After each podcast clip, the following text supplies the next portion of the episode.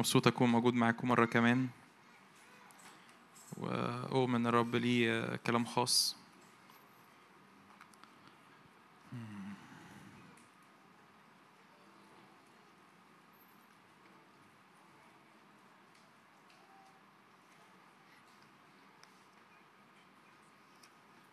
من كتر ما ما كتبت المزامير أو الترانيم في في العهد القديم اتعودوا على الحضور الإلهي فقالوا كده بني قرح آه، اخترت على الوقوف في العتبة في ديارك خير من السكنة في خيام الأشرار.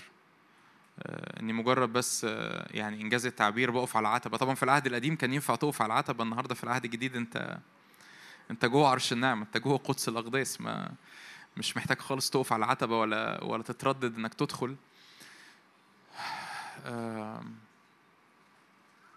وده ده المكان اللي دايما إبليس والعالم والدوشة بيحاولوا ياخدونا منه. إنه آه، هدأت وسكت نفسي كفطيم نحو أمه. بس مجرد بس إني بهدي وبسكت نفسي قدام الرب إني مجرد بستقبل محبته بستقبل النعمة النازلة. إني أتقدم بثقة أمام عرش النعمة. من غير ما ما يبقى عندي آه، لستة حاجات وأوقات ما أقصدش يعني البعد بتاع إن أنا عندي لسه طلبات أطلبها لأ أوقات ما بيبقاش حتى عندي لسه طلبات أطلبها بس بحس إن أنا يعني لازم أعمل حاجة يعني. يعني لا- لازم أعمل حاجة لازم أرنم لازم أسبح لازم أصلي لازم. وكل ده كويس كل ده ليه مكانه.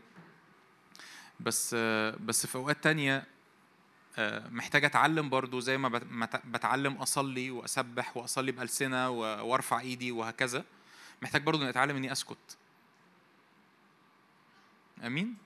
أنتوا لسه ساكتين في الحضور الإلهي صح؟ بتعلم برضو إني محتاج أسكت بتعلم برضو إني محتاج أهدى إنه إنه آه، مش أنا أنا داخل قدامك مش هعمل حاجة لأن أنا مش محتاج أعمل حاجة. وأنا طول الوقت مش محتاج أعمل حاجة يعني حتى لو بسبح أو برفع إيدي أو أنا كل الحاجات دي بعملها مش علشان أنا بعملها علشان أنا يعني أنا. أنا المستفيد في الآخر. فعشان كده بفكر نفسي في أوقات إني محتاج كمان أتعلم أسكت أتعلم أهدى. أتعلم أستقبل اللي هو عايز يسكبه عليا. ببساطة. زي ما زي ما ال- الملكوت والكلمة فيهم فيهم يسموهم بارادوكس اللي هو التناقض الظاهري. فيها تناقضات ظاهرية كتير. آه، إحدى التناقضات الظاهرية إنه إنه ملكوت السماوات يخصب والغاصبون يختطفونه. بس في نفس الوقت الرب يسوع قال إن لم ترجعوا وتص- وتصيروا مثل الإيه؟ الأولاد أو الأطفال. فطب هو يخصب ولا أنا هستقبله زي ال- الأطفال؟ لا هو أوقات كده وأوقات كده. أوقات بيبقى في دور لإيماني وللسلطان ولرفعة الإيد وإني بزق ورا الرب بإيمان وفي في- في وجه المقاومة. وأوقات لما بحس إن المقاومة دي أعلى بكتير قوي من أي مستوى سلطان عندي أو أي مستوى من ال من ال الإيمان أنا اختبرته أو أنا اقتحمت بيه قبل كده لازم أميل على الأوبشن التاني إن يا رب أنا هرجع وأصير مثل الإيه؟ الأولاد. أنا أنا هرجع وأبقى زي الطفل اللي بيستقبل ببساطة آه، من غير مجهود من غير ما أحس إن أنا آه، الزيت خلص. زي الموتور العربية اللي موتورها الزيت خلص فيها فال- فالموتور يقفش فتغير لها وش السلندر على طول. فأنا مش محتاج أعمل ده كله. ببساطة باجي بهدوء قدام الرب. وبثق إنه منتظر الرب يج- يجددون قوة يرفعون أجنحة كالنسور آمين؟ آمين؟ منتظر الرب يجددون قوة يرفعون أجنحة كالنسور فأنا يا رب عايز أخرج من هذا الاجتماع النهارده وأنا قوتي متجددة. صدقني ده, ده ده اختبار أكيد ناس كتير وسطينا واختباري الشخصي. إنه ينفع في قعدة واحدة في خلوة واحدة في اجتماع واحد تحس إنه كل مثلا أنت مكمل تعبان مجهد في حروب مش عارف إيه أفكار كتير كانت حاصلة بقالها شهرين ثلاثة وفي قعده واحدة كل ده حتى لو حتى لو الظرف ما اتغيرش أو المشكلة ما اتحلتش لكن كل الحمل اللي كان على كتافك ده اتشال. صح؟ اختبرته اختبرته الموضوع ده قبل كده صح؟ ف... فأمين يكون ال... النهارده يعني في الاجتماع كده يوم من الأيام اللي تخرج النهارده من الاجتماع خفيف. آمين. ايا كان إيه اللي حاصل؟ ايا كان الظروف في حاجات اتغيرت في حاجات ما اتغيرتش بس أنت خارج خفيف. إنه إنه أنا النهارده ألقيت كل همي عليه لأنه هو يعتني بي. أمين. تعالوا نفتح رومية 8 مرة كمان. أنا هكمل على أنا عارف إنه مش كل الناس اللي بتحضر الأربع بتحضر السبت بس ما تقلقش يعني لو أنت ما كنتش موجود الأربع اللي فات ف فهتفهم إيه اللي إحنا بنقوله يعني هما ما هماش مكملين على بعض إنجاز التعبير يعني قلت مثلا نقطتين الاربع وهقول نقطتين تانيين النهارده. لكن أنا بتحرك في نفس الخط آه، في الوقت اللي أنا هكون بوعظه يعني الكم الأسبوعين دول يعني. آه، الأربع اللي فات كنا بنحكي شوية عن يعني نفتح رومية 8 18 إني أحسب أن آلام الزمان الحاضر لا تقاس بالمجد العتيد أن يستعلن فينا. لأن انتظار الخليقة يتوقع استعلان أبناء الله. إذ أخضعت الخليقة للبطل ليس طوعا بل من أجل الذي أخضعها على الرجاء. لأن الخليقة نفسها أيضا ستعتق من عبودية الفساد إلى حرية مجد أولاد الله. فإننا نعلم أن كل الخليقة تئن وتتمخض معا إلى الآن ليس هكذا فقط بل نحن الذين لنا بكورة الروح. نحن أنفسنا أيضا نئن في أنفسنا متوقعين التبني فداء أجسادنا. الآيات دي ذهبية. يعني من أو طبعا رومية 8 كله مش محتاج يعني إن أنا أشكر في رومية 8 ولا أشكر في الرسول بولس. آه، وخصوصا رومية 8 من أول عدد 18 لأنه لأنه لأنه الرسول بولس بالروح القدس آه، بيعلمنا عن حاجة وأنا ما أعتقدش يعني يعني أعتقد إن إن اللي بولس بيعلمه لنا ده لكتير لسنين كتير هو غايب عن الكنيسة. إنه برغم إن هي آيات محفوظة بس الآيات دي بتترجم جوانا الام الزمان الحاضر لا تقاس بالمجد العتيد أن يستعلم فينا. يعني أنا بعدي بألم التفسير الطبيعي أو أو المعتاد أو الوعظة المعتادة بتاعت الآية دي. يعني معلش يا حبيبي أنت بتعدي بألم فمعلش استحمل معانا عشان المجد اللي جاي إن شاء الله هيبقى أحسن من الألم اللي أنت بتعدي بيه. بالرغم إن الكلام ده مش غلط لكن هو بولس ما بيتكلمش عن كده. يعني بولس ما بيتكلمش عن الألم الشخصي في الآيات دي. بولس بيتكلم عن الألم اللي الخليقة كلها مشتركة فيه. ويعني لو أشجعك لو أنت كنتش حاضر الأربع اللي فات ارجع اسمع الوعظة لأنه في في ترابط مهم. في في في في حاجة معينة هتحصل في خلال الكم كم وعظة اللي أنا بشارك فيها معاكم.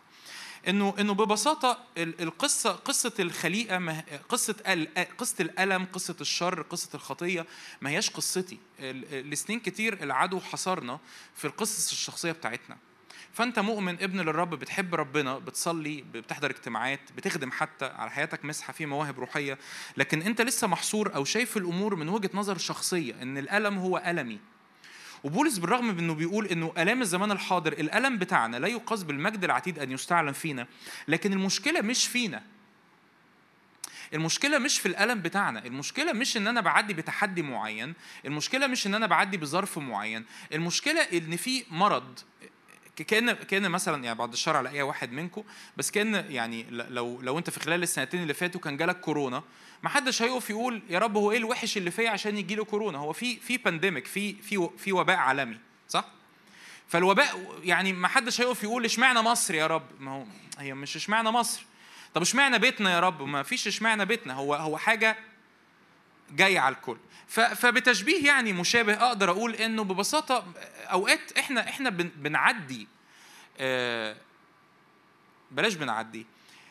إحنا فينا بيسري فينا قوة فساد. يمكن الكلمة دي تخدك شوية بس ده اللي هحكي فيه يعني هشرحه. بيسري فينا قوة فساد. إحدى إحدى صور الفساد ده إن إحنا بنعجز.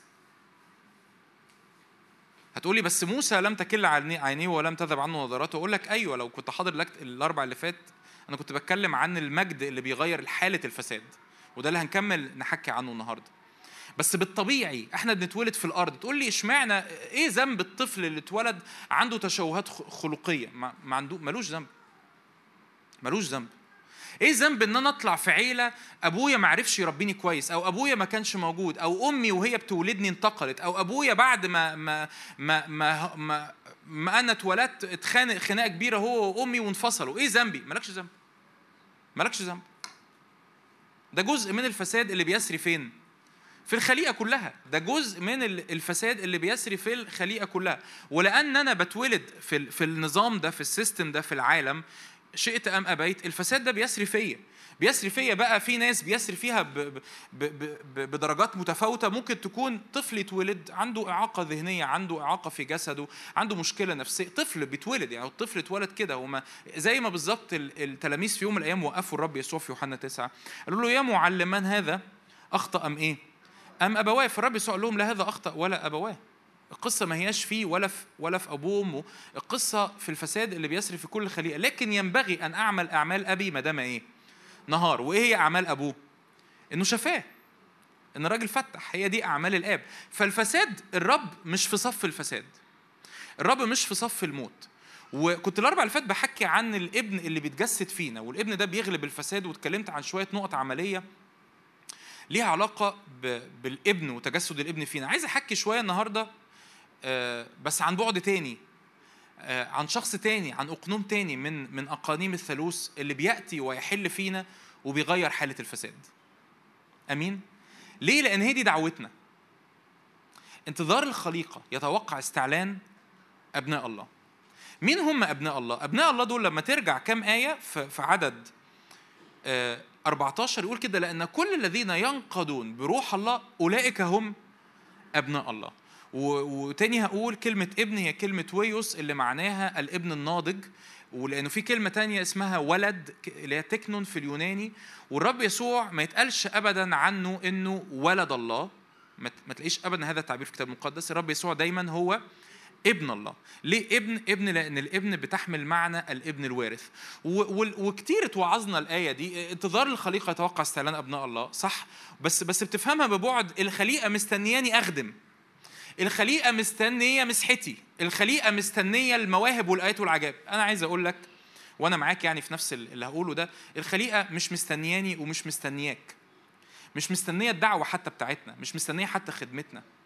مش مستنية أي حاجة جسدية تطلع مننا. الخليقة مستنية الابن. ليه؟ لأنه الابن هو الوحيد الملآن قوة حياة لا تزول. الابن هو الوحيد اللي عنده قدرة إنه يبتلع الفساد.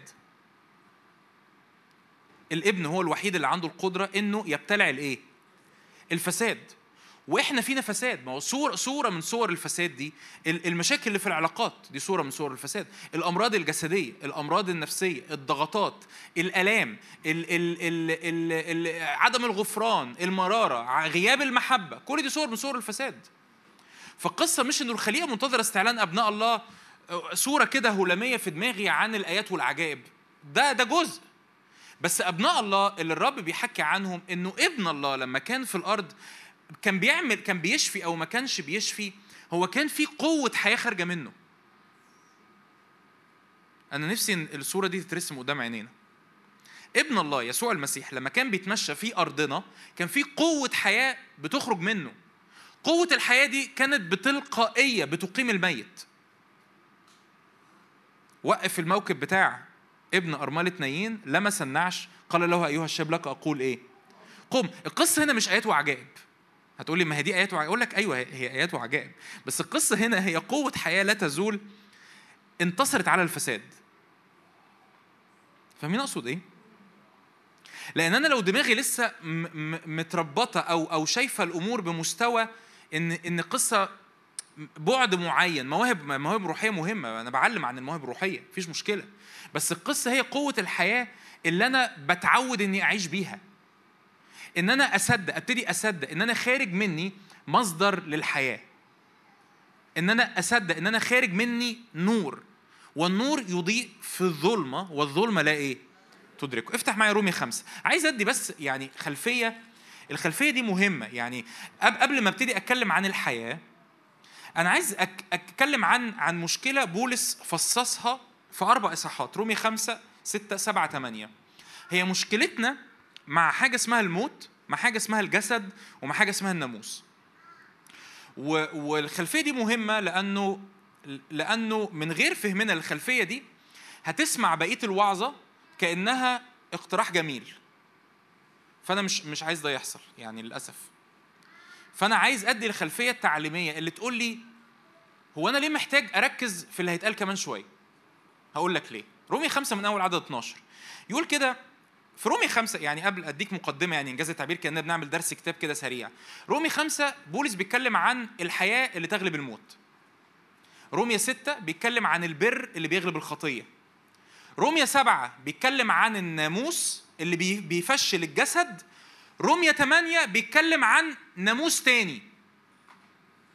اللي بيقول عنه في رومية 8 2 ناموس روح الحياة. في المسيح يسوع قد أعتقني من ناموس الخطية والموت لأن هي دي مشاكلنا. إيه مشاكلنا؟ مشاكلنا إن أنا عندي خط... إن أنا عندي موت الموت ده دخل بسبب الخطية فالرب عايز ينتصر على الموت وعايزني أنتصر على الخطية وعايزني أعيش بسيستم جديد. ناموس يعني قوانين مبادئ للحياة. الرب عايزني أعيش بمبادئ حياة مختلفة جديدة. لأن الناموس القديم كان كل اللي بيطلعه بينتج لعنة.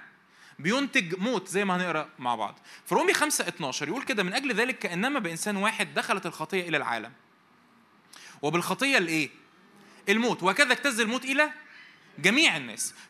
فبسبب واحد أخطأ اللي هو آدم في مرض في فيروس دخل في البشرية كلها. الفيروس ده اسمه الإيه؟ الموت. فتقول لي هو ليه ليه في موت؟ بسبب الفيروس. فيروس دخل في البشرية كلها ولأن إحنا بنتولد. إنجاز التعبير ده مرض وراثي بيسري فينا كلنا. من أول آدم من أول سقوط آدم وحواء هذا الفيروس بيسري في البشرية كلها. هذا المرض اسمه موت. وهكذا اجتاز الموت إلى جميع الإيه؟ الناس إذ أخطأ الجميع. ولأن الكل بيغلط الفيروس مكمل. لأن الكل بيغلط الفيروس مكمل. فإنه حتى الناموس كانت الخطية في العالم. لحد ما الناموس جه كان في خطية. على أن الخطية لا تحسب إن لم يكن ناموس. ما كانتش الخطية بتتحسب بحسب الناموس لكن في رومية 2 طبعا تفهم إن الخطية كانت بتحسب بحسب ناموس الضمير. كان في ناموس تاني. أنا بس بحاول أشرح الآيات مع إنها عشان عشان بس لما تروح وتقرأ روميا تفهم بولس بيتكلم في إيه. فبولس هنا كان بيتكلم إنه بالرغم إن ما كانش في ناموس فما كانش بتتحسب بحسب الناموس. هتقول لي يعني الخطية ما كانتش بتتحسب؟ لا كانت بتحسب لأن في ناموس الضمير. ده روميا 2 يحكي لنا عن كده. لكن قد ملك الموت من آدم إلى إيه؟ إلى موسى وذلك على الذين لم يخطئوا على شبه تعدي آدم. يعني بالرغم إن أنا وأنت ما كناش في الجنة أنا وأنت كنا في الجنة؟ لا. هل حضرتك أكلت من شجرة معرفة الخير والشر؟ لا. لكن بالرغم إن إحنا ما غلطناش نفس الغلطة بتاعت آدم لكن لسه الموت بيجتاز فين؟ فينا.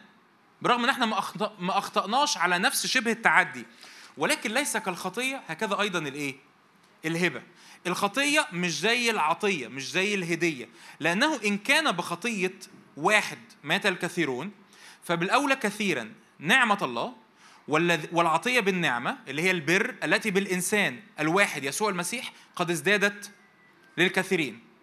ليس كما بواحد قد أخطأ هكذا العطية. القصة مش إن واحد غلط فاجتاز الموت إلى جميع الناس العطية مش كده. أمال العطية إيه؟ عدد 17 لأنه إن كان بخطية الواحد قد ملك الموت بالواحد. فبالأولى كثيرا الذين ينالون فيض النعمة وعطية البر يملكون فين؟ في الحياة بالواحد يسوع المسيح. إيه أول مشكلة عندنا؟ هي مشكلة الخطية والموت. هي مشكلة الإيه؟ إن الخطية بص ركز في اللي أنا بقوله ده لأن أنا هكمل فيه. ال line ده هو ال line الأساسي بتاع النهارده. بس أنا عايز أحط لك الأساس اللي بيه هو أنا ليه محتاج الكلام اللي جاي بعد كده؟ مشكلتنا الأساسية إن الخطية تنتج موت. تقول لي آه بس روميا خمسة بيتكلم عن الحالة بتاعة سقوط آدم اللي الرب افتداني منها.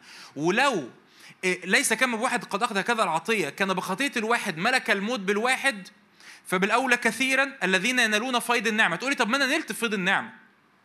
فين المشكلة؟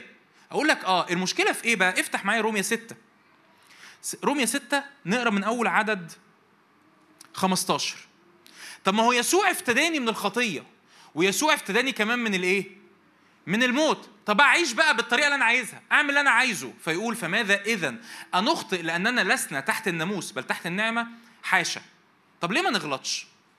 بص بقى بولس بيقول لك ليه ما نغلطش. ليه أنا محتاج قوانين مختلفة أعيش بيها؟ ألستم تعلمون أن الذين تقدمون ذواتكم له عبيدا للطاعة؟ أنتم عبيد للذي تطيعونه؟ أنت بتعبد اللي أنت بتطيعه. إما للخطية للموت أو للطاعة للإيه؟ طاعتك للخطية سواء كنت مؤمن أو مش مؤمن بتدخل فيك موت. هتقول لا أنا مش مقتنع بالكلام ده. هقول لك لو ما صدقتش الآية دي هفتح لك كذا آية كمان عشان تقتنع. أبوابك المفتوحة اللي بتفتح على حياتك خطية هي بتدخل في حياتك موت قصة الخطية مش إن الخطية وحشة وربنا متضايق ومكشر. الخطية قصتها إن هي فتحت أبواب الموت على الجنس البشري وبالتالي على الخليقة كلها. قصتي مع الخطية مش إنه ربنا غضبان، الكنيسة الشرقية أنا يمكن علقت على ده شوية الأربع اللي فات. الكنيسة الشرقية ما كانتش مشكلتها مع الفداء على إنه في عقوبة والرب بيحاول ينقذنا من العقوبة. الموت بالنسبة للكنيسة الشرقية مش عقوبة. الموت بالنسبة للكنيسة الشرقية نتيجة. نتيجة لإيه؟ الخطية الخطية دخلت لما الخطية دخلت أنا بقت أبوابي مفتوحة لحاجة اسمها الإيه؟ الموت ليه أنا بموت؟ عشان في خطية ليه جنسنا بيموت؟ عشان في خطية. طب أنا عايز أقول لك مش بس أنا بتكلم على الموت الجسدي. ليه بالرغم إن أنا ابن للرب بحب الرب بصلي بحضر اجتماعات وبخدم لكن في دوائر في حياتي فيها موت. ممكن يكون بسبب الخطية. هتقولي بس الرب المفروض انه يكون افتداني من الموت وافتداني من اللعنة وافتداني من الخطية. أيوه الرب افتداني منهم. بس بالرغم إن بولس عارف إن الرب افتداني منهم يرجع تاني يقول لهم في روميا ستة فماذا اذا هنكمل في الخطية عشان إحنا مش تحت الناموس لكن تحت النعمة. صح فبولس بيقول لهم صحصحوا معايا. اللي انت بتقدم نفسك عبد ليه بيسري فيك. لو قدمت نفسك عبد للخطية بيسري فيك حاجة اسمها الايه؟ الموت. تقول لي يعني ممكن يكون بسبب خطية معينة في أبواب في شغلي مش مفتحة؟ 100% هتقول لي إيه العلاقة؟ ده مفيش مفيش إنجاز التعبير ارتباط يعني يعني يعني ارتباط دايركت مباشر. ممكن ما يكونش فيه ارتباط مباشر. بس في موت دخل. بسبب خطية نجاسة في حياتي ابني عنده مشاكل نفسية؟ ممكن. بسبب مشاكل معينة في طريقة تفكيري و و و وفي قداستي الشخصية. أنا علاقتي مع مراتي مش متظبطة؟ أيوه. ليه؟ لأنه حضرتك لما بتفتح حياتك عبد للخطية بتدخل العدو الأساسي. العدو الأساسي اسمه إيه؟ الموت مش الخطية، الخطية ده ده ده, ده الثغرة اللي إبليس بيلاقيها عشان يدخل حياتك. العدو الأساسي هو الإيه؟ الموت. ورب عايز ينقذنا من الموت. عشان ينقذني من الموت بيديني قوانين حياة مختلفة هو ده اللي نتكلم عنه. فيقول لك كده نط معايا العدد 21 أو عدد عشرين لما كنتم عبيد الخطية كنتم أحرارا من البر فأي ثمر كان لكم حينئذ من الأمور التي تستحون بها الآن لأن نهاية تلك الأمور هي الإيه؟ الموت سواء عملتها وأنت مؤمن أو ما عملتهاش أو عملتها وأنت مش مؤمن سواء أنت كنت تعرف الرب أو ما تعرفش الرب نتيجة الخطية هي إيه؟ موت أبوابي المفتوحة على إبليس على طريقة حياة العالم على طريقة النجاسة على طريقة قيم العالم على طريقة مبادئ العالم تنتج موت سواء أنا ابن للرب أو مش ابن للرب. تنتج فساد. لأن بالخطية اجتاز الموت إلى جميع الإيه؟ الناس إذ أخطأ الجميع وده خطير وده اللي عايز أتكلم عنه النهارده. مش هتكلم عن الخطية لكن أنا عايز أحط لك الأول كده الأرضية اللي بيها بنتحرك. بس عايز أقول لك في مشكلة ثالثه مش بس مشكلة الناموس مش مش مش بس مشكلة الموت ومشكلة الخطية. ده عندنا كمان مشكلة اسمه الناموس. إيه الناموس ده بيعمل إيه؟ رومية 4 15 هقرأ آية وبعد كده ننط رومية 7 يقول كده الرسول بولس لأن الناموس ينشئ غضب. ليه؟ إذ حيث ليس ناموس ليس أيضا تعدي. الناموس بيحكم عليا بالموت. ليه؟ لأن لو مفيش قانون يبقى مفيش صح وغلط. لو أنت ماشي على طريق الطريق ده جديد لسه مفتتحينه زي طرق كتير اللي بتفتتح في في بلدنا. والطريق ده ما عليهوش يافطه حدود السرعة. محدش يقدر يجي يقول لك أنت كسرت السرعة. ليه؟ مفيش قانون. إمتى تلاقي كمين حطوا كمين على الطريق وقال لك أنت مشيت 100 125 مشيت 130 لو في إيه؟ قانون حيث ليس ناموس ليس أيضا إيه؟ تعدي. طب هو المشكلة بولس بقى في روميا سبعة يقعد يتخانق الخناقة دي. طب هو الناموس وحش؟ الناموس مش وحش. لكن بص معايا في عدد خمسة يقول إيه؟ روميا سبعة خمسة. لما كنا في الجسد كانت أهواء الخطايا التي بالناموس تعمل في أعضائنا.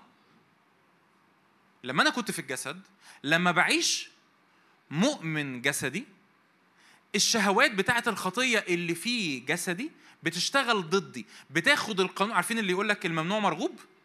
هي الخطية بتشتغل كده. آه لا لا تزني. يا ده, ده الزنا حلو قوي. لا تقتل. ده, ده القتل لذيذ.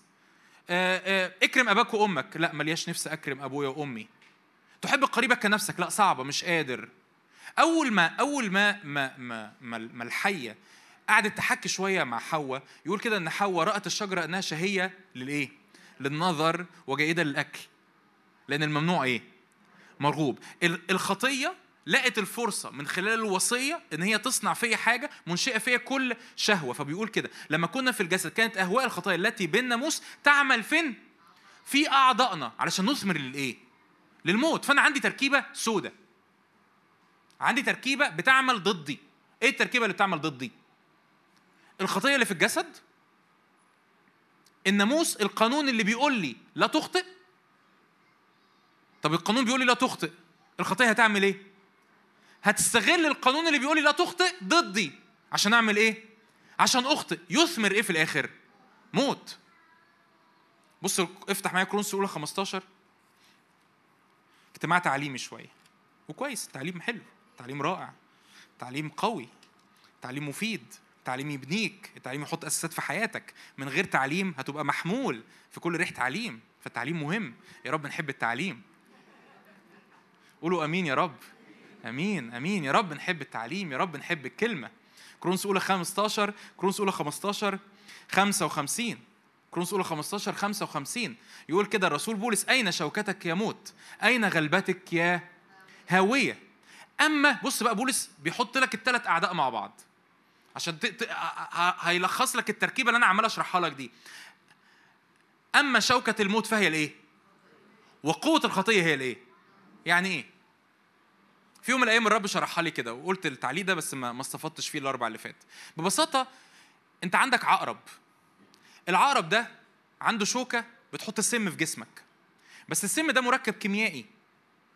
صح؟ السم ده مركب كيميائي. المركب الكيميائي عشان يضرك عشان يموتك محتاج حاجة جوه جسمك يتفاعل معاها عشان يسبب لك الموت.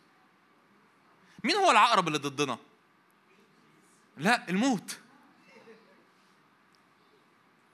مين الشوكة اللي بتدخل لي الموت؟ الخطية. طب الخطية لما بتدخل جوايا بتتفاعل مع الإيه؟ مع الناموس. فجده ميت وجده ميت. شوكة الخطية هي الإيه؟ شوكة الموت هي الإيه؟ الخطية وقوة الخطية هي الإيه؟ الناموس الخطية بتلاقي مجال في حياتي لأن في قانون بيقول لي أنا المفروض أعيش صح ما بعرفش أعيش صح فالخطية بتلاقي مجال في حياتي فبيطلع مني حاجة اسمها إيه؟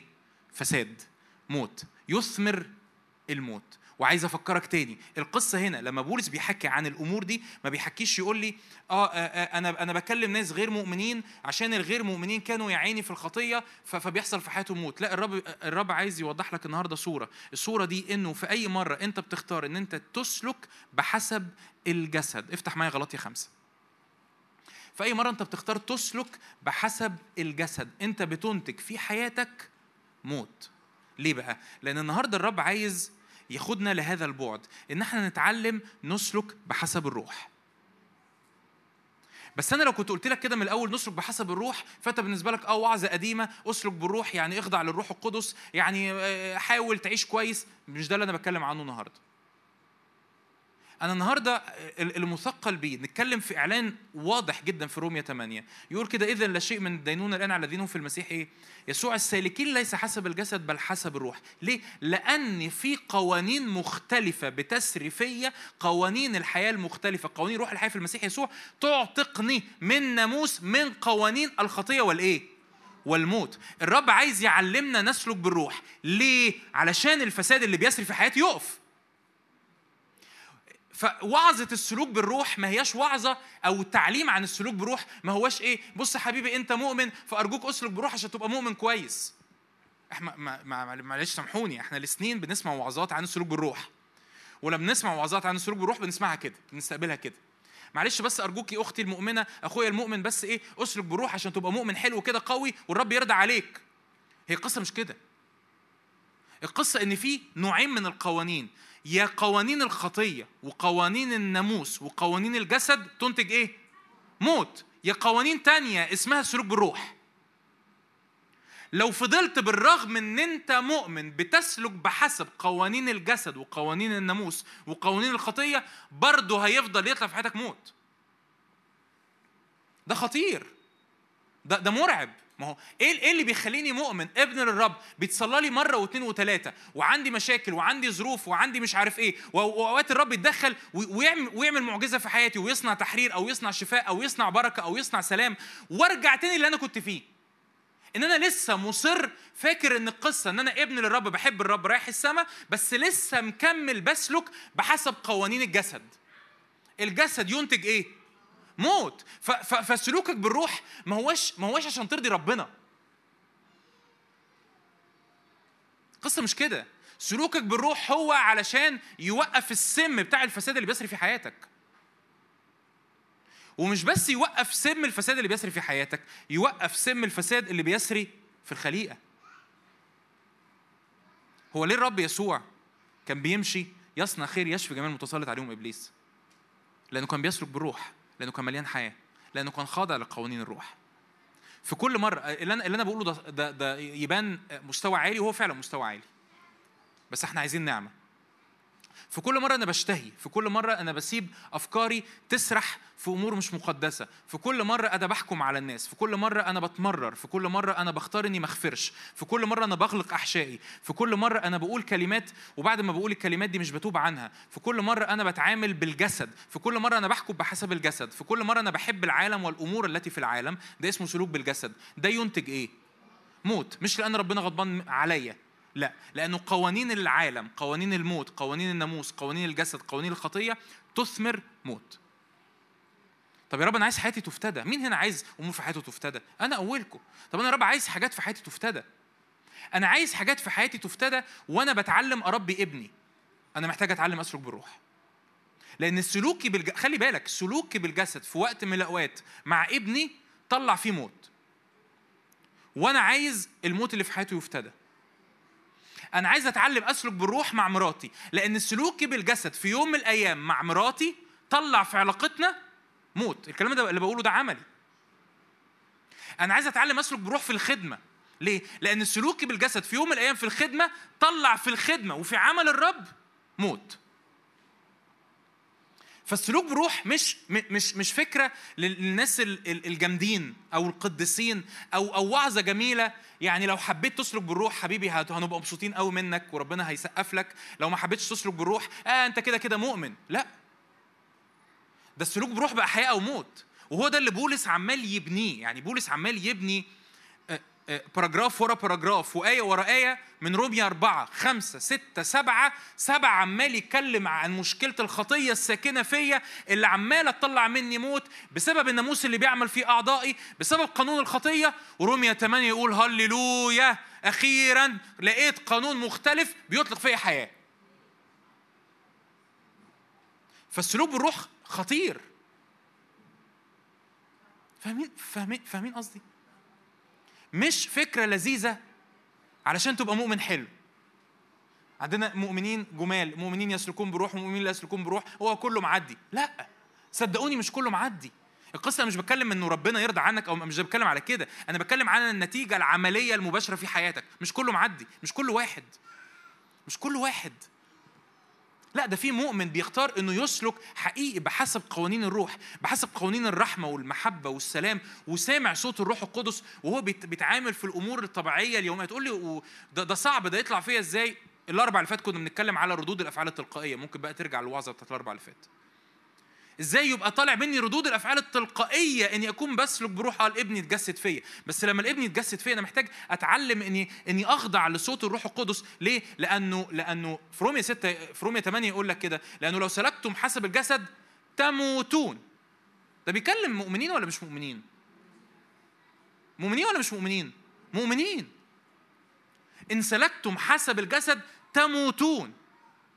ولكن إن كنتم بالروح تميتون أعمال الجسد فإيه؟ فده ده ده إعلان رهيب. ده إعلان رهيب.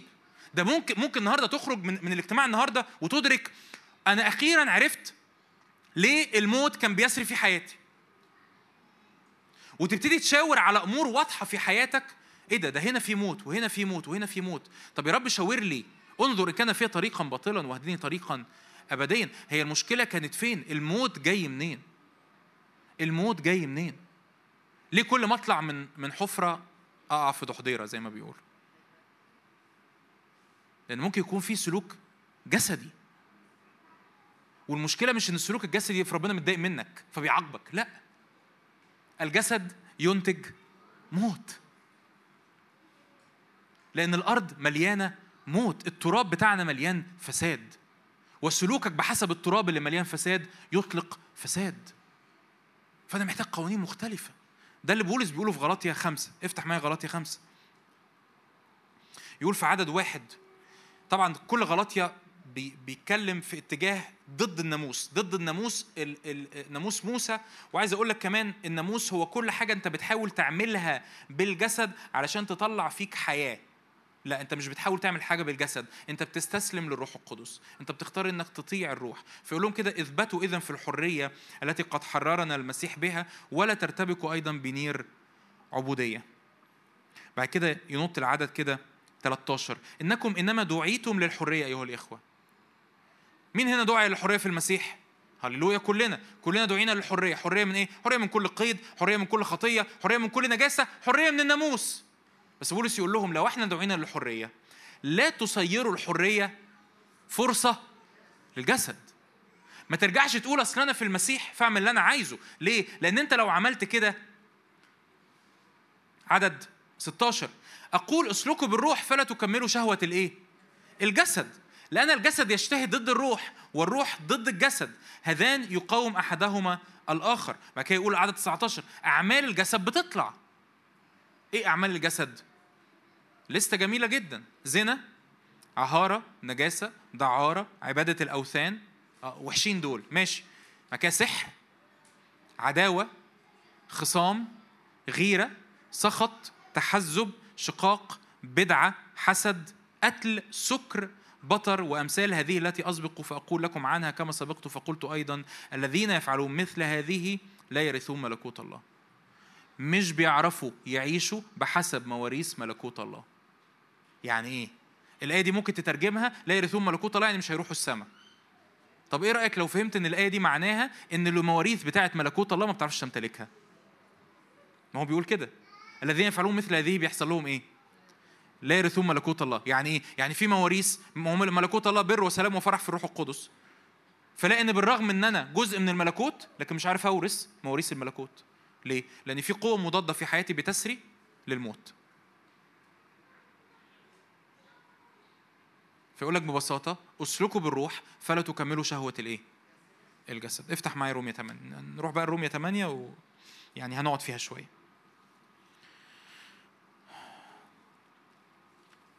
أنا عندي كذا مشكلة. إيه إيه المشاكل اللي عندي؟ المشاكل اللي عندي في جسد المشكلة اللي عندي إن في ناموس المشكلة اللي عندي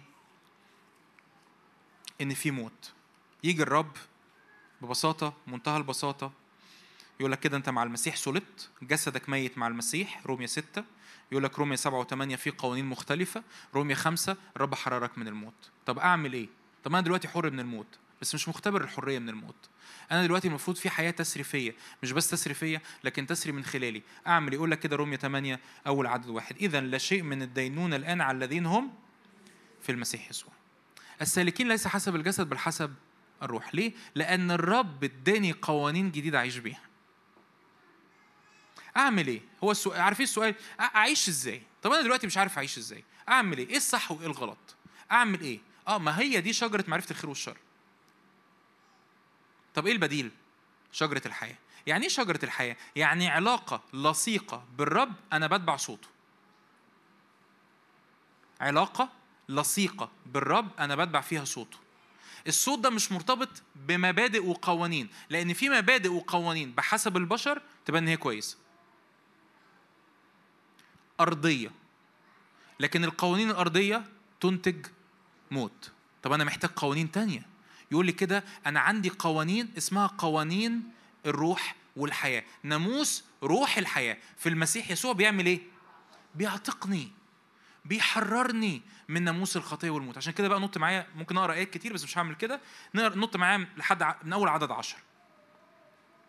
من أول عدد عشر. إن كان المسيح فيكم فالجسد ميت بسبب الخطية أما روح في حياة بسبب الإيه؟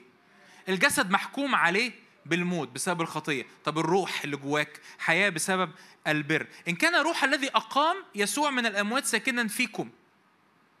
فالذي أقام المسيح من الأموات يحيي إيه؟ أجسادكم المائتة أيضا بروحه الساكن. تقولي أنا في في حياتي موت. أنا في في حياتي آثار موت. أنا في في حياتي آثار لعنة. أنا في في حياتي آثار فساد. أنا في في عيلتي في بيتي في تربيتي لأولادي في علاقاتي في شغلي آثار موت آثار لعنة آثار فساد. أعمل إيه؟ يقول لك كده لو روح اللي أقام يسوع من الأموات ساكن فيك هو يحيي جسدك المائت أيضا بروحه الساكن. فيك يعني اتباعك لقوانين روح الحياة يعتقك من القوانين اللي كانت شغالة ضدك بتاعة الخطية والموت إذا أيها الإخوة نحن مديونون ليس للجسد لنعيش حسب الإيه؟ الجسد إن عشتم حسب الجسد تموتون لكن إن كنتم بالروح تميتون أعمال الجسد فإيه؟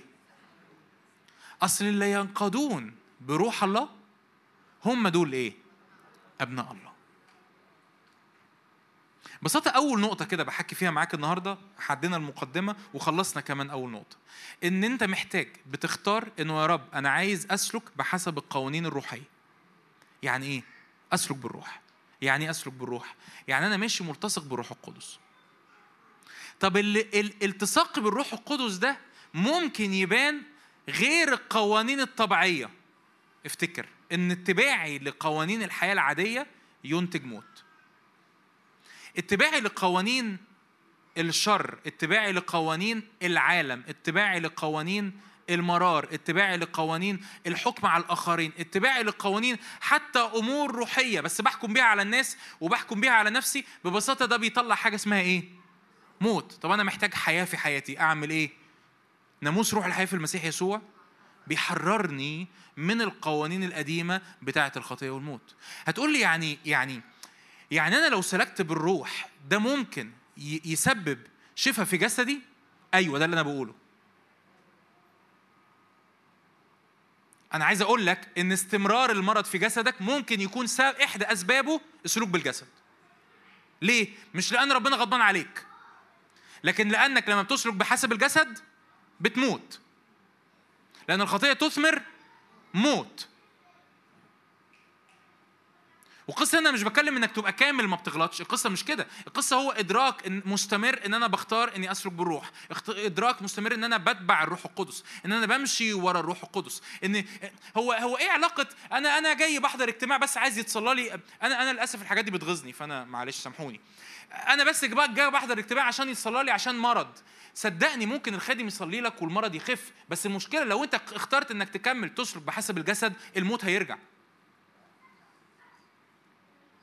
صدقيني لو لو لو اتصلى لك بعد الاجتماع ممكن في سلام يملى ذهنك بس لو اخترت إنك تفضل ترجع تاني تعيش بنفس طريقة التفكير الجسدية الانزعاج هيرجع وعلشان كده كتير بنفضل في بنحضر اجتماعات بنتشجع بنخرج من الاجتماع بنرجع زي ما كنا. ليه؟ لأن أنا بختار إني أرجع اسلك بحسب الجسد.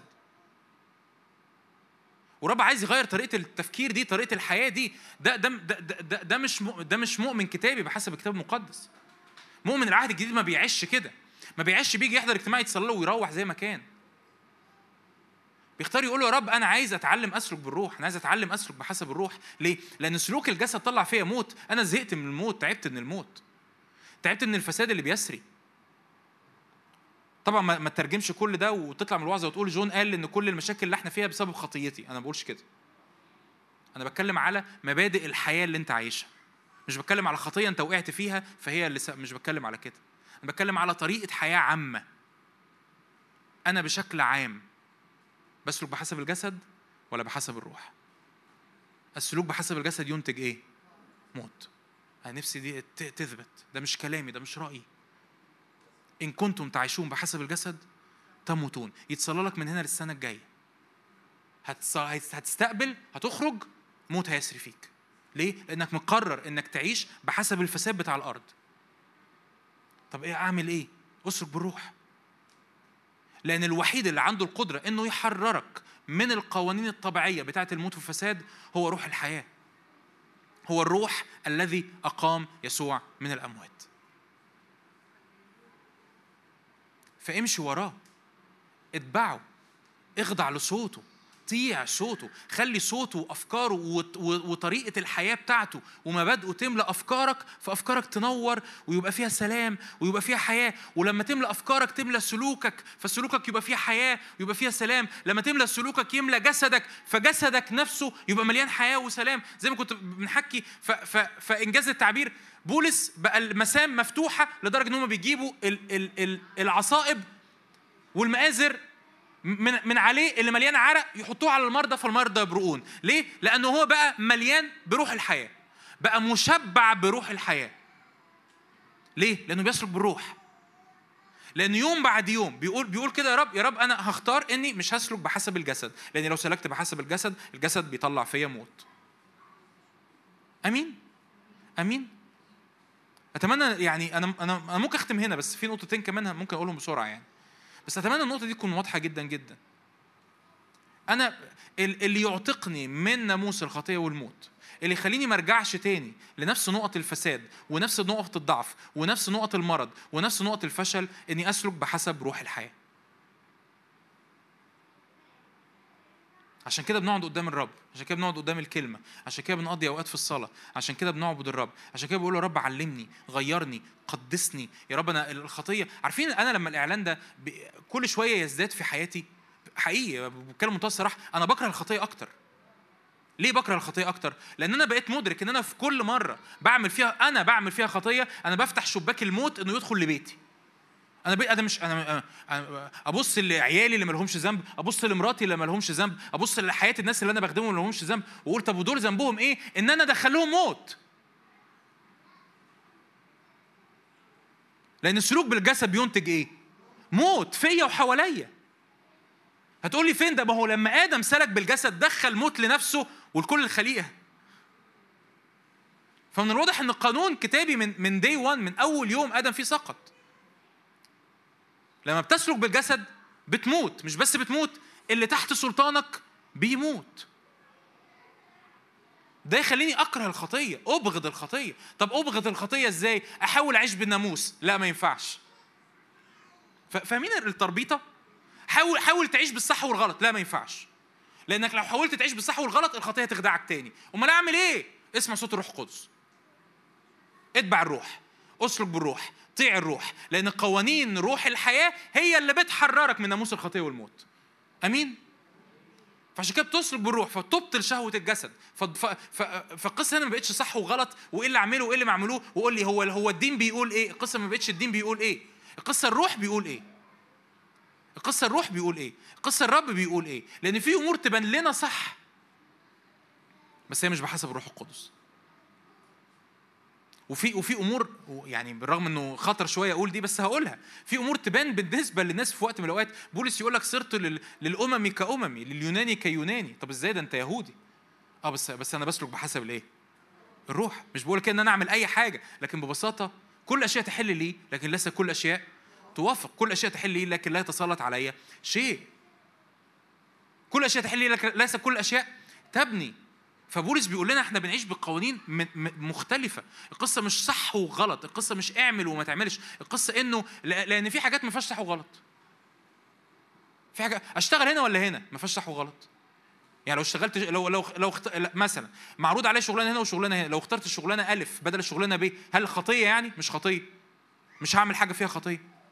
بس أنا بختار إني أسلك بالإيه؟ لأن ممكن الشغلانة دي بحسب الجسد تنتج موت. تنتج موت في علاقاتي تنتج موت في بيتي تتقلني بأتقال وأحمال ومقارنات متعبة جدا فيطلع مني موت. فرب يقول لي لو كنت سمعت صوتي من الأول واخترت شغلانة تانية كان هيطلق فيه حياة. فمين أقصد إيه؟ فقصة مش خطية. القصة إني بختار أطيع الروح وأمشي وراه وأسلك وراه. أمين؟ أمين. روح الحياة ده بيعمل حاجة تانية مش بس بيطلق فينا.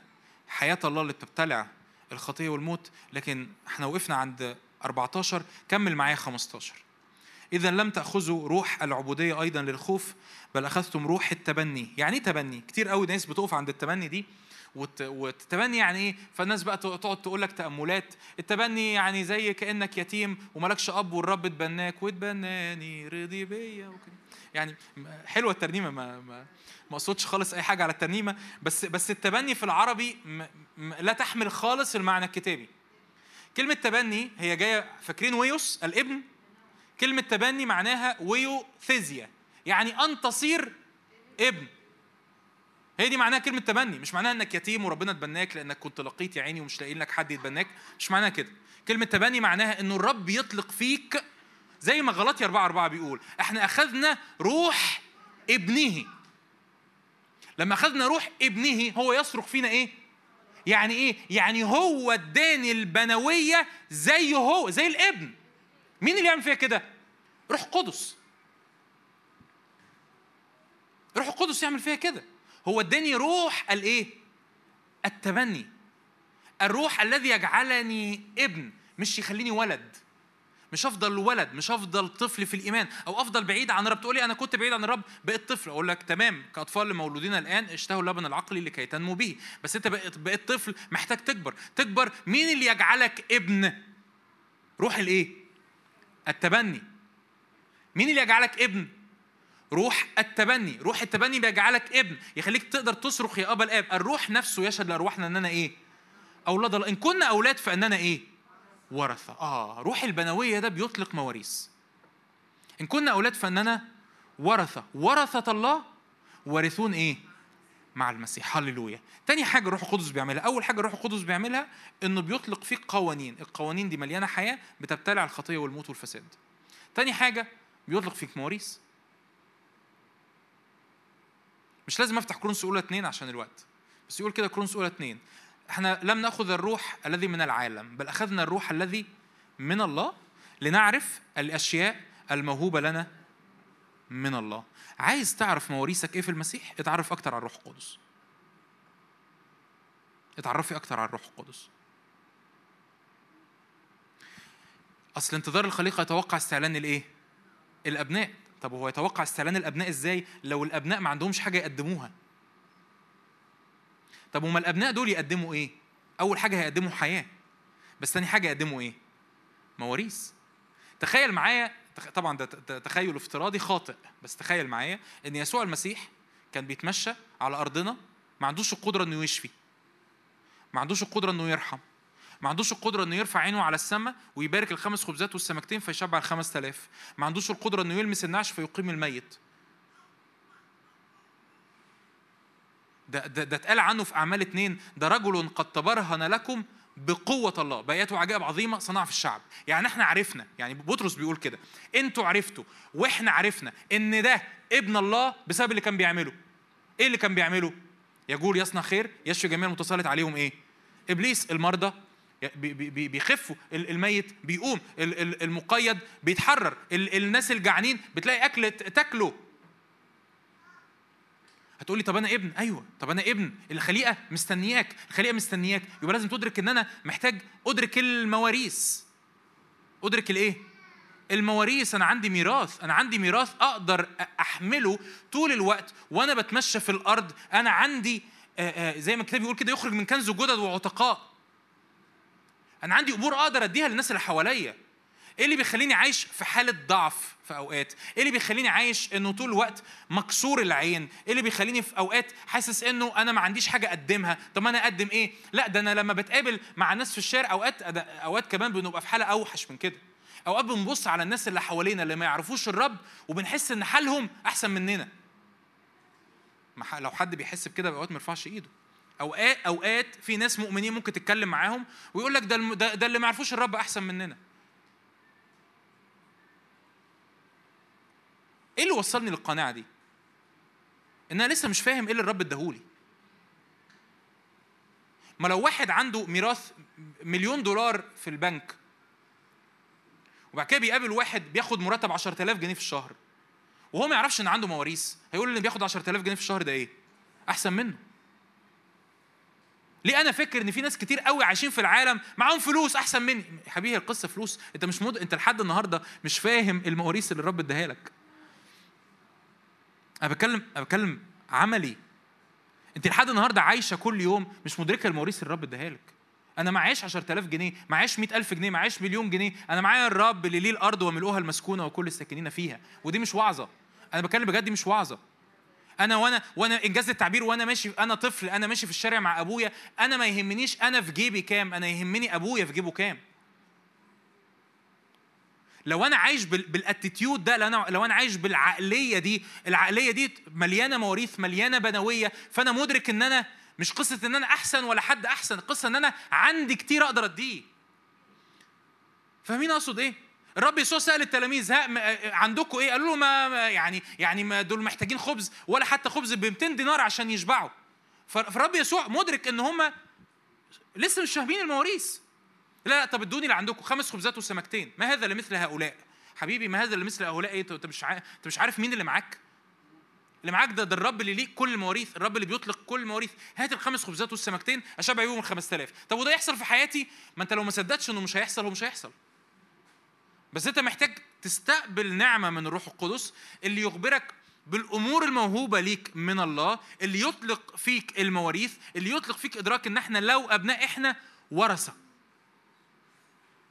ورثة يعني تخيل تقول لي تقول لي طب وفين الكلام ده؟ ساعات بن يعني إيه؟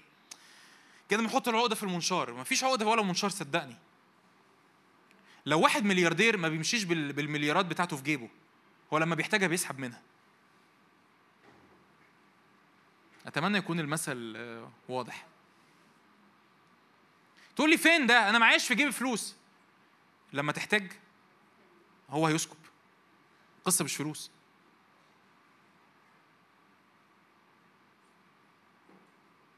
الحال والظروف والدنيا والمش عارف إيه. فين الكلام ده؟ هل أنت مصدق إنك وارث؟ اللي مصدق إنه وارث اللي مصدق إنه ليه حساب في البنك بيروح البنك بيمضي على الشباك وبيسحب فلوس. اللي ما بيصدقش عمره ما هيروح عمره ما هيتجرأ إنه يروح. تخيل معايا واحد مفلس عمره ما هيروح البنك يقول لهم إيه؟ هو مش هيتجرأ يروح مش هيتجرأ يدخل من الباب. إيه اللي يخليني أتجرأ أدخل قدام الرب؟ واقول له يا رب أشكرك لأنك تملأ وتسدد وتفيض ومش بس تفيض ليا لكن تفيض لأجل كل دوائر في حياتي. لأن أنا عارف إن أنا إيه؟ وارث. مين اللي يطلق فيا المواريث؟ روح قدس. روح القدس يملأني بإدراك إن أنا ابن. إن كنا أولاد فاننا إيه؟ ورثه أيضا. ورثة الله.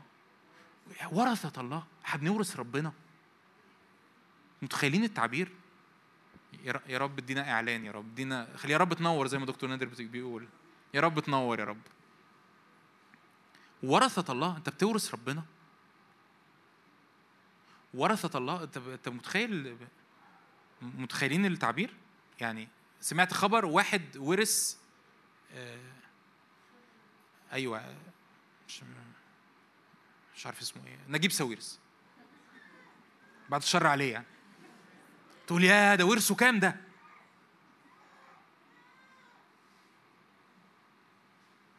أنت بتورث مين؟ الرب؟ مش معنى كده إن الرب هيموت أكيد عشان ما حدش يقول جون قال إن الرب هيموت وهنورثه. أكيد ما بقولش كده. أكيد ما بقولش كده. لكن أنت بتورث الرب. أنت ليك ميراث في الرب.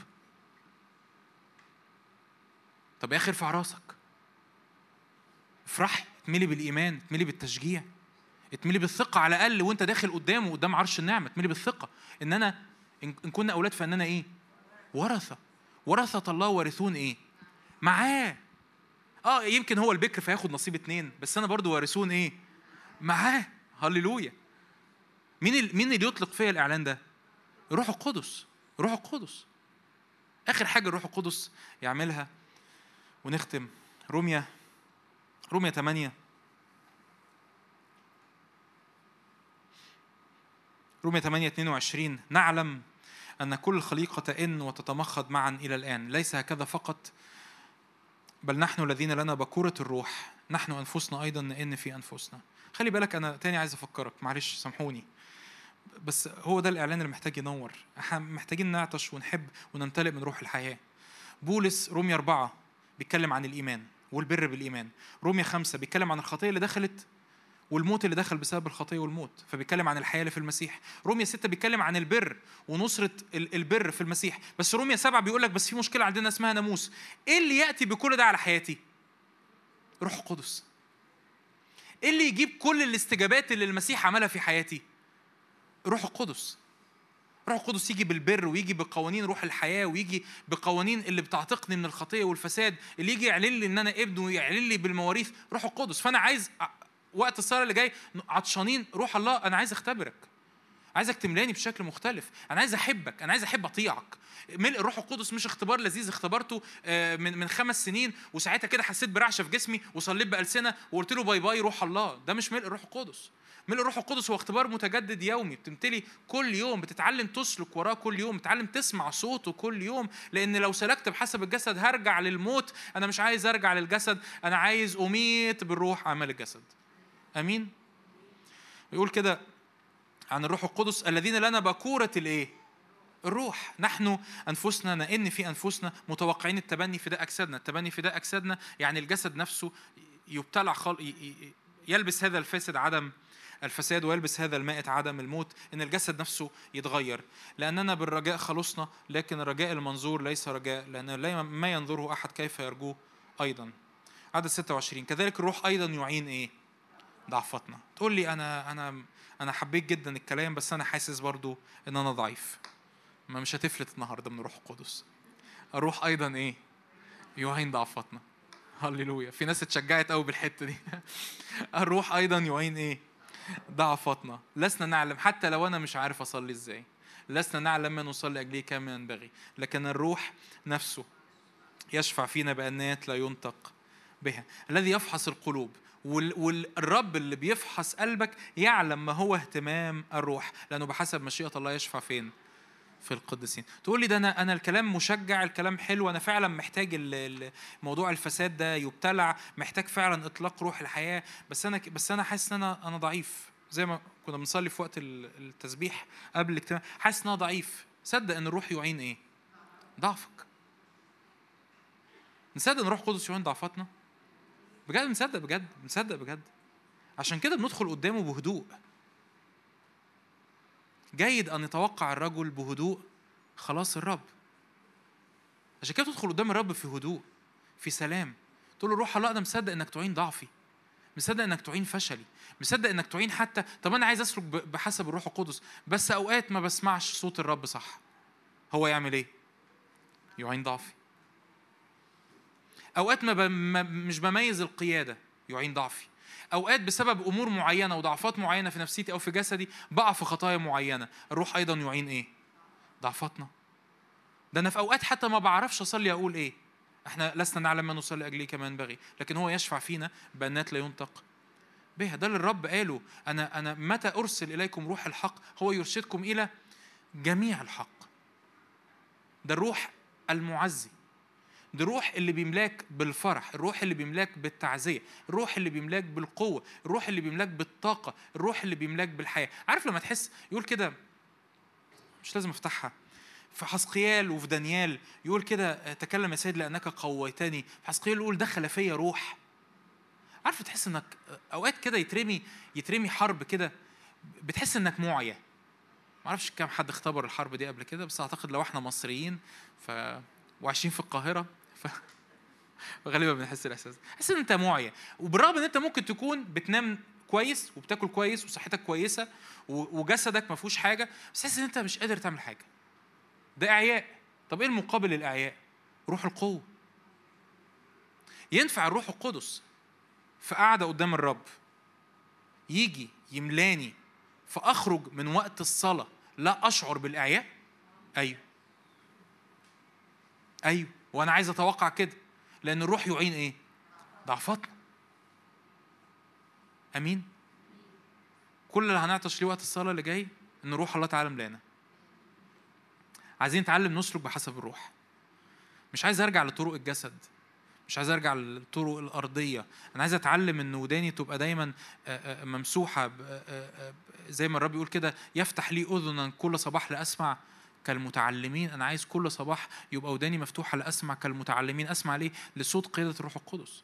لأن الروح القدس هو روح الحياة. روح الحياة يبطل الخطية والموت. بينهي على الحياة والموت. عايزين عايزين نحب ال... ال... روح الحياة. انه يا رب في كل يوم بشوف في حياتي فساد. كل يوم بشوف في حياتي موت. أنا عايز أتعلم أسلك بالروح علشان كل فساد وكل موت بيرجع لحياتي. الباب يتقفل قدامه. وبالعكس لو كان في في حياتي فساد وموت الحياة اللي خارجة من روح الحياة تبتلع الموت والفساد. آمين؟ تعالوا نصلي مع بعض. تعالوا نقف. تعالوا نقف كده نقول له روح روح الحياة تعالى ملانا وقت جاي ده وقت كده تستقبل تستقبل تستقبل من عرش النعمة. لأنه عكس عكس الخطية عكس الجسد عكس الناموس وعكس الموت. روح القدس عنده قوانين مختلفة. روح القدس عنده قوانين مختلفة. قوانين الحياة. لأن ناموس روح الحياة في المسيح يسوع. تعالوا نردد الكلمة دي الآية دي. لأن ناموس روح الحياة في المسيح يسوع. أعتقني من ناموس الخطية والموت. كل قوانين يا رب مشيت في حياتي في يوم من الأيام من الخطية والموت. أشكرك لأن روح الحياة يحررني منها. الخوف موت. تصدق الخوف موت. الخوف له عذاب. الخوف موت. الخوف من بكرة موت. الخوف من المرض موت. الفساد اللي في العلاقات موت. السلب اللي في الفلوس موت. سلب الدعوة. سلب مستقبلك موت. الاكتئاب اللي بتعدي بيه موت. حد بيسمعنا؟ اكتئاب موت. ناموس قوانين روح الحياة. بتحررني من قوانين الخطية والموت. هللويا. فيا رب إحنا عايزين نتملي بيك. عايزين نتملي بقوانينك. عايزين نتملي بمبادئك. عايزين نتملي بحياتك. عايزين نتملي بأفكارك في اسم يسوع. اسم يسوع.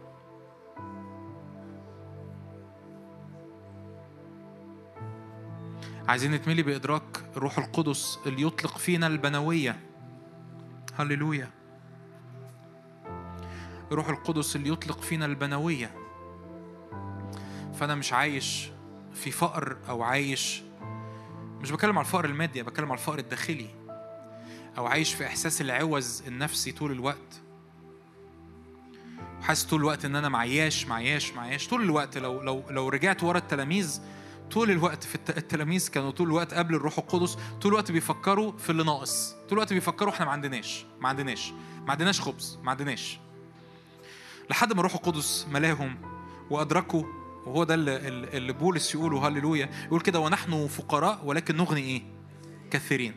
ليه ده ده, روح ده روح البنوية روح البنوية. إحنا فقراء لكن نغني كثيرين. بحسب العالم بحسب مقاييس العالم لو قالوا لي ورينا كده رصيدك في البنك بحسب العالم فقراء. لكن بحسب الروح نغني كثيرين. ده روح البنوية. قولوا رب اطلق فيا الحياة اطلق فيا بنوية اطلق فيا معونة لكل ضعف في اسم يسوع. روح الله بنشكرك. روح الله بنشكرك. اشكر الرب اشكر الرب الروح القدس. نشكرك روح الله لأنك أنت الأقنوم العامل في الكنيسة النهارده. نشكرك روح الله. نشكرك روح الله لأنك بتسكن فينا. نشكرك روح الله لأنك بتملأنا. نشكرك روح الله لأنك أخذت أجسادنا بقت هيكل ليك.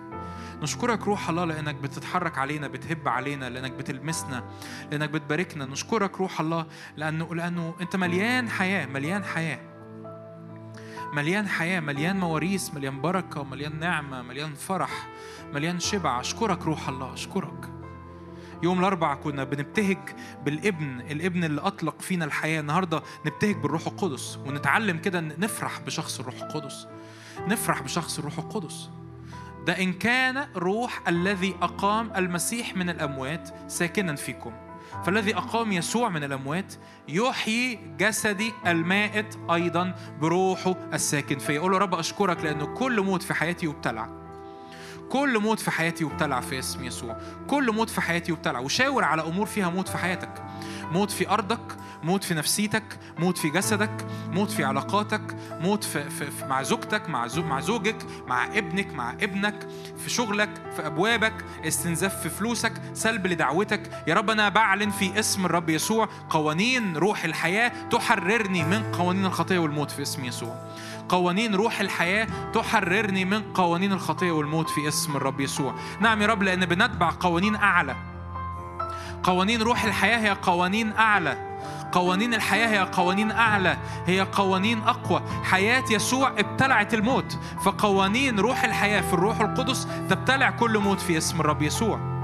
لا نخاف من الموت لا نخاف من الموت لا نخاف من الموت لا نخاف من السلب لا نخاف من الفساد يسري فينا. الفساد كان بيسري فينا بسبب آدم الأول لكن لكن آدم الأخير هللويا صار روحا محييا في اسم يسوع. آدم الأخير صار روحا محييا في اسم يسوع. آدم الأخير صار روحا محييا. في في أمراض هي هي بسبب موت. أعضاء معينة ما بتشتغلش. أنسجة معينة في الجسم ما بتشتغلش. انطق على أعضائك المريضة حياة في اسم يسوع.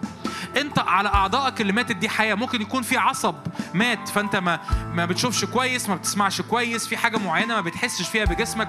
انت كده في جسدك اللي ميت. اعلن كده يا رب قوانين روح الحياة تحرر جسدي من قوانين الموت في اسم يسوع. قوانين روح الحياة تحرر جسدي من قوانين الموت في اسم الرب يسوع. هللويا. قوانين روح الحياة تحرر جسدي تحرر نفسيتي من قوانين الموت في اسم الرب يسوع. قوانين روح الحياة تحررني من كل قوانين خطية في اسم الرب يسوع. هللويا. أنت تقيم المائت إلى الحياة في اسم يسوع. يا رب هذا الفاسد يا رب يلبس عدم فساد وهذا المائت يلبس عدم الموت في اسم الرب يسوع. هللويا هللويا هللويا روح الله املانا روح الله هب علينا. روح الله يا رب ترف بأجنحتك علينا في اسم الرب يسوع. نعم يا رب لنمتلئ لنمتلئ إلى كل ملء الله. لنمتلئ إلى كل ملء الله. روح الحياة بنحبك. روح الله بنحبك. روح الله بنحبك. روح الحياة بنحبك. يا رب كم أنت غالي علينا. كم أنت يا رب غالي علينا. كم أنت يا رب الملء اللي بتعمله فينا واللمسات اللي بتعملها في حياتنا. كم هي أمور غالية علينا. روح الحياة بنحبك. بنكرمك بنكرمك بنكرمك في اسم يسوع. هاليلويا هاليلويا. أرهب هذا المكان فروح الرب هنا الآن يعرف من حول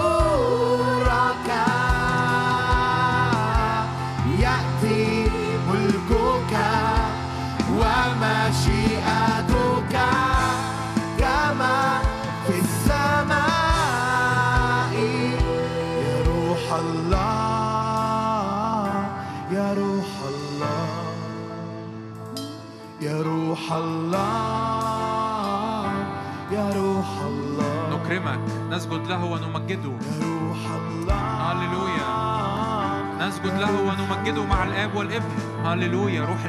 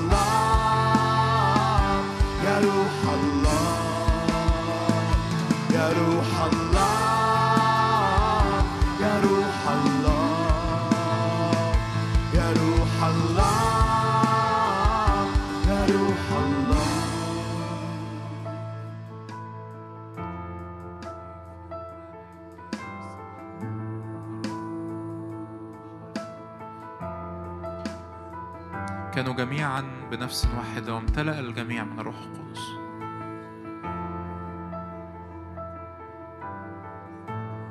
روح الله ملاني قدم إناءك للرب. قدم إناءك للرب.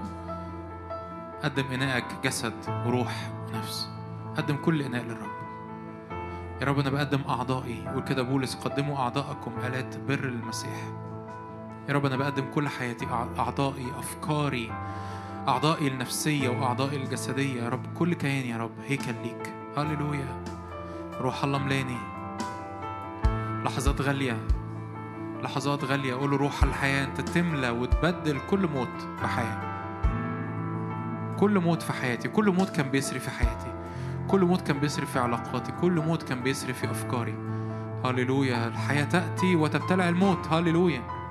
حياة تأتي وتبتلع الموت. حياة تأتي وتبتلع الموت في اسم يسوع. في اسم يسوع.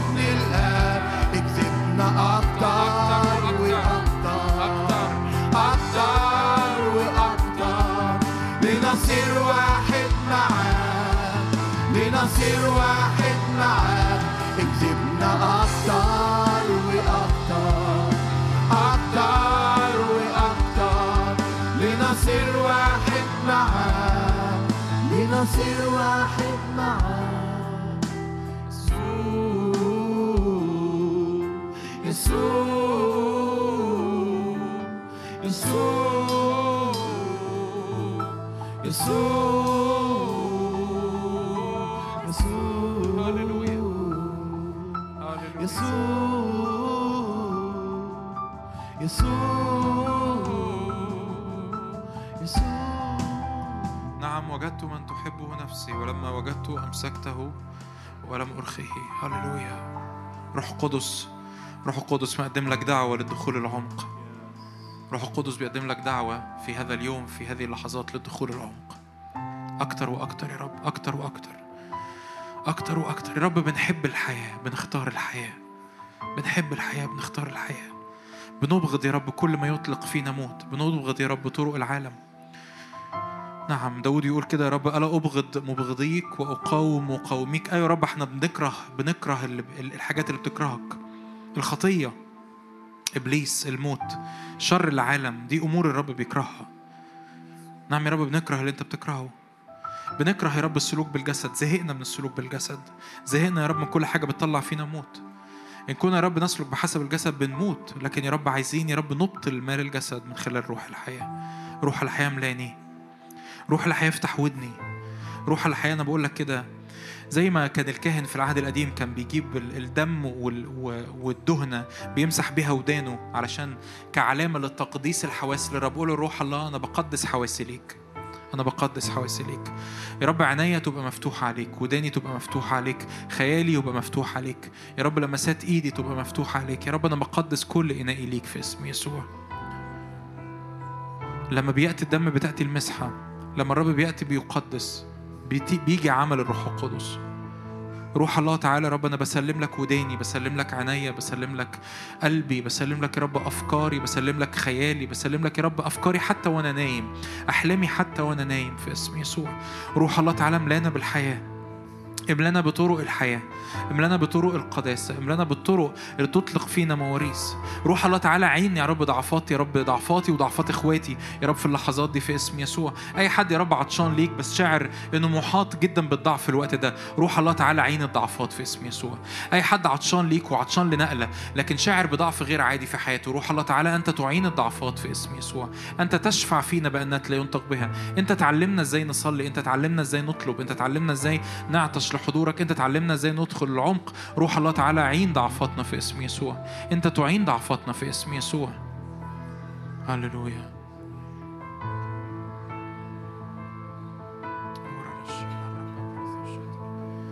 يا أنبع الحياة أمرني بمياهك واجعل أرضي في وقت يسير بستان.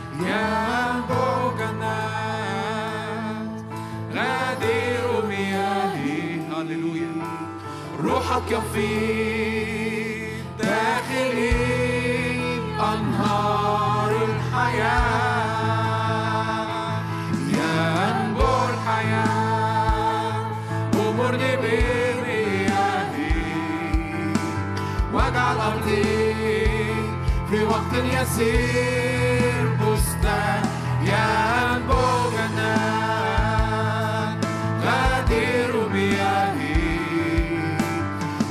que eu fiz.